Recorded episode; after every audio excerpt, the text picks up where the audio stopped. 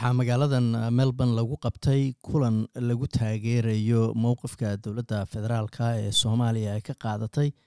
M o u ay dhowaan kala saxiixdeen dowladda somalilan iyo ra'iisul wasaaraha dalka etoobiya kulankan ayaa waxaa soo qabanqaabiyey jaaliyadda soomaalida ee somali community inc. oo uu madax ka yahay faarax warsame waxaa barnaamijka daadihinayay xarbi wuxuuna u dhacay sidan. Markanna waxaan u yeerayaa shariif sheekh faarax oo ka mid ah mas'uuliyiinta jaaliyadda soomaaliyeed. Sidaad la socotaanba waxaa laga yaabaa dhallinyaradu inta badan inaysan la socon dadka odayaasha ama aqoon-yahanadu waa la socdaan taariikhda etoobiya iyo waxa ka dhexeeyey soomaaliya. Muddo kun sano ka badan colaad ay inta badan ku damaaciyeysay etoobiya inay kula wareegto dhulka soomaaliyeed iyo dadkaba. Oo labaduba ay u dhexaysay laba wadan oo wadano islaan yahay wadano kristan yahay oo colaadaa fog ka dhexaysay oo taariikho badan soo maray oo dagaallo badan soo maray oo dagaaladii la soo maray lagu qabsaday abasinia dhulkan hadda etoobiya la yidhaahdo laga soo celiyey la soo jabiyey magaalmada xarar bay ahayd saylac dib loogu celiyey bortuqiis ku soo hiliyey haddana dib loo qabsaday saylac etoobiyaanku u qabsadeen. Axmed gura yimid dib uga saaray ilaa uu gaaray muxuu ahaa abasinia xooggeeda una qabsaday. Marka laba magaalo yaryar laga reebo ay deganaayeen. Ninkii bortuqiiska ahaayoo u weynaa markaa christopher fasco dagama wiilkiisiiba. Christopher dagamo dagaalkaasaa lagu dilay. Maxay tahay marka arintan hadda ayada cawaaqibxumada ka dhalan karta iyo sida dadka u arko oo uga dareen celinayaan dadka soomaaliyeed waxaan aada ugu faraxsanahay meel kastoo joogeenba inay dareenkooda aada uga falceliyeen ama gobollada waqooyi ha joogeen ama gobollada koonfureed iyo soomaaliya o dhan ba ha joogeen aad bay uga falceliyeen. Runtii cawaaqibxumada ka dhalan karta waxaa weeye in lagu baraarugo haddii etoobiya ay saylac lughayo timaado marinada soomaaliya iyo jabuuti waa kala go'ayaan marinada badda cas iyo indian oceanna waa kala go'ayaan. Suuragalna ma aha inay intaa ku ekaato. Waxay ku soo faafi doontaa ilaa bayla qandala xaafuun kor ayl soo soco muxuu ahaa garacad hobyo. Intaasoo dhan way soo gaaraysaa way saameynaysaa markan waxaan u yeerayaa guddoomiyaha jaaliyadda jubbaland ee dalkan australia master fosi hobolladii waa beri ayaa waxaa ka mid ahayd heesooyinkeeda qaarkood ay tiriyeen aqal tiir la'aantii keligii ma taagnayn waxaa la rabaa isku dayga iyo isku duubnida ayaa muhiima arrinkaasi maanta waxaan halkan uga dhawaaqaynaa inaanu taageersannahay madaxweynaha iyo xukuumadda iyo in dad badan oo soomaaliyeed oo runtii ka hadlay aad baan u taageerana gaar ahaan xukuumadda aad baan u taageernahay waxaan u jalaacaynaa dhankii haweenka waxaan u yeerayaa starliid oo u hadli doonto gabdhaha. Maanta waxaan iskugu imaanay in aan taageerno oon ka soo horjeysano wadankeena la qaybsanayo runtii adduunku wuxuu ku dagaali jiray dhul inuu helo resource helo oo helo maaliyad xoog leh. Haddana anaga dhulkeenyaa la bixinaa.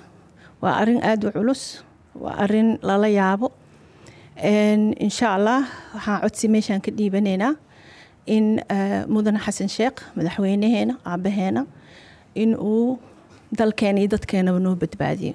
Waan taageereynaa asaan gadaal joognaa waana ka soo horjeednaa in wadankeena ama xaaro qaadato markanna waxaan u yeerayaa aqoon-yahaan soomaaliyeed cabdiraxmaan ducaale jugaase waxaan leeyahay anigu si buuxda oo wadaniyad leh oo farxad leh oo kalsooni leh baan u garab taaganahay uguna taageeraynaa arinta iska meesha ka istaagtay dowladeennu arintaa baarlamaan ahaan madaxweyne ahaa madaxweynaha prime ministerka labada aqal intuba waxay muujiyeen mas'uuliyad aada u wanaagsan. Wixii sida odayaashu sheegeen dee siyaasadda waa la isku qaqabtaa wixii difference oo yar waa halkeeda. Laakiin soomaali baynu nahay waana dowladeennii weeye iyadaa maamulka inoo haysa iyadaynu dooranay waana ku garab taaragnay arrintaa aad iyo aad baan ugu faraxsannahay talabaday qaaday. Waxaan kaloo ilaa un mahad celinayaa dowladda jabuuti laftigeedu wax kastoo dad baa ka tirsanayey ama qaybo naga bida xoogaha gardaamaha. Laakiin maanta meesha iyada laftigooda iska taagtay waxay muujisay inay tahay dad walaalo aan nahay oo soomaaliya iyada laftigooda iyadana waa u mahad celinaynaa markana waxaan u yeerayaa cabdulaahi sheektoon dowladda federaalka soomaaliya hadda meesha iska taagtay ama dowladda ha noqoto ama baarlamaanka ha noqoto meel aad iyo aad u wanaagsan bay iska taagtay. Dadka soomaaliya dhammaan meel fiican buu iska taagay. Nin baa waxaa laga sheegay toban wiil buu dhalado markaasuu intuu isugu yeedhay buu wuxuu yidhi nin walba u soo gooso markaasuu nin walba ulood soo goo nin buu markaasuu nin walba ul usha aad haysato hal ulaha haysato mid ka mid a jebi nin waliba waa jebi bafu ka siiyey. Markaasuu intuu isku qabtay tobanka tobanka soo hadhay isku qabta. Tobankii baa la isku qabtay isku xidha. Markaasuu mid u dhiibay waa jebin waaye. Su mid kale u dhiibay waa jebin waaye. Tobankiiba waa jebin waaye. Wuxuu yidhi markaad wada jirtaan saasaan la idiin jebinayn markaad kala jirtaanna sidaa xabad xabadda la idiin jebiyey ayaa la idiin jebinaya horta haddaynu soomaali nahay ta ina haysataa maanta waa taa. Uurkeennii baana laga shaqaysanayaa. Waxaana qabaa etoobiya waaba dowladda ugu shishaysa ee arrimaheenna ku jirta. Waxaa ku jira waddamo fara badan baa ku jira amuuraheenna ku jira waddankeenna ku jira oo maaragtay uu ka degila yahay anuu researcher baan ahay economistaan ahay waxaa kaloo martay culunta counselinka marka researchkayga markaan eego ku noqdo muddo koob soddon iyo kow sanaa ayaan researcher ahaa. Oo Somali Petroleum and Oil ka ahaa aan research garaynayay marka waddamadan aad arkaysaan ee shisheeye ee waddanka inala jooga ma aha dan ay iyagu inagu leenahay ma aha uma joogaan waxay u joogaan dan ay iyagu leeyihiin. Ma aqaan inaad xusuustaane waxaa dhacday muddo hadda ma aqaan ma six years bay ten years bay ahayd inay soo ka hadleen waddamada reer galbeedku. Oo ay yidhaahdeen boqol iyo soddon milyan oo dada oo aan badla lahayn muddad aad u yar oo dhowr iyo toban milyanna ay bad leeyihiin intaa dherarkeedu la eg tahay. Wax macquula maaha. Wax macquula ma aha waxaan idinka wadaa etoobiya kuma dhiirateen. Waddankeenna inagoo sidaa khitaa u burbursan kuma dhiirateen. Haddayan jirin dad waddamo taageeraya. Waddamo ayaa ka dambeeya oo taageeraya. Kanna waxaan u yeerayaa faarax qardhaab oo ka mid ah mas'uuliyiinta jaaliyadda soomaaliyeed ee dalkan australia. Waxa weye dadkii dalkan u soo halgamay oo s w l lahaa oo hogaamiyeyaasha hore lahaa maanta xaalkii aynoo ka tageen xaal ka duwan baynu joognaa. Xaalkana waxaa keenay waa siyaasiyiin iyo kala jabnaan iyo qabiil. Haddana waxaan ku soo dhoweynaynaa bashiir dheere. Maantay waxaa la isugu yimid oo loo soo dareenkacay waa la socotaan dhulkan la bixiyey lughaya iyo bullaxaar iyo saylac anigu waa ku soo tababartay. Waa dhulkan ku soo tababartay weeye waa dhul aan aqaano weeye waa dhulkii aniga oo afar iyo toban jir aan u dhaawacmay weeye walaalayaal dhulkeennu weligiisuu ahaa ilka doofaar sahansan. Dad baana difaacahayay waana wax aanu ognahay kala bedelashana ma jirto. Waa qabsasho weeye wakaa shalay markii ay maraakiibta samaysanayeen waxaa la yidhi warbadba ma lihidina maxaa maraakiib u samaysanaysaan waxay yidhaahdeen nebi nuux ma biyuu haystay markuu doonta samaystay. Yacni fakarku meeshuu joogo ogaada. Ayagaa imaan doona biyuhuye maraakiibta samaysta. Horta saasaa loogu soo diyaargaroobi waana wax socda oo lagu soo talagalay weeye. Intii gacan gelisayna waa ku khaldantay ee ilaahay ha ka soo celiyo. Dadka soomaaliyeedna hala ahaado qabiil gaarahoo lehna ma jirto. Kelmad baan idiin sheegayaa. Waaba anoo yar waxaan soo ag fadhiistay aabbahay iyo niman kale oo jabuuti iyo kalifka hadda meeshaan soomaali galbeed iyo ka hadlahaya. Markaan soo ag fadhiistaan waxaan aabe dhulkaan ka wada hadlaysaan muxuu yahay waa yara. Sii aaba kaalay aabba waxaan ku barahayaa dhulkaaga. Aabba waxaan ku barahayaa dadkaaga qabiilkaaga. Aabba waxaan ku barahayaa bulshadu waxay kuga aqoonsan doonto. Hayaabo wuxuu yidhi aabba dhulkaaga xagga magaalada jabuuti oo faransiisku haysta xagga ugu xigta. Dhinacaas markii xeebta saa loo raacay barbara la dhaafo qoyi la dhaafo halkaa jabuuti baa ugu xigta aba markii jabuuti laga tagana harar iyo hawaas dirir dhabe iyo harar rigoodaas halkaasaa uga socdo. Ka gudub sayeelow iyo meesha la yidhaahdo gaarisa iyo dhulkaa dhulka la yidhaahdo halkaasaa ugu xigta ka soo gelu biyaha badda la soo wareeg inta u dhaxaysa inta deganna waa qabiilkaagii buu yiri. Ten yeer oldi baan ahaa ama waa ka sii yaraa bulshaduna bashiir shiro cabdullahi kugu aqoonsanaysaa aba saddexdaas maray. Waxaa ii xigayna meeshaan sheegahaya inaan tababarana ku qaatay inaan ka dagaal tegay afar iyo toban jirkaygiina u dhaawacmay. Magacayga waa axmed khaliif ay sheekh yuusuf. Dhulkaas iyo baddaas dhibaato badan baa loo soo maray sidii raggii iga horreeyey qaar ka midu ay carabka ku dhufteen. Hadday tahay gobonimo doonkii hore raggii u soo halgamay iyo gabdhihii u soo halgamay oo dhiigooda iyo dahabkooda iyo hantidooda u horay.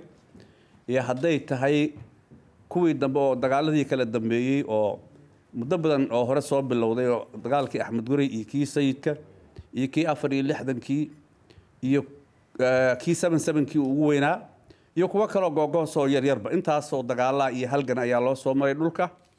Dad badan baa u nafwaayey dad badan baa u geeriyooday dad badan baa loo xidhay.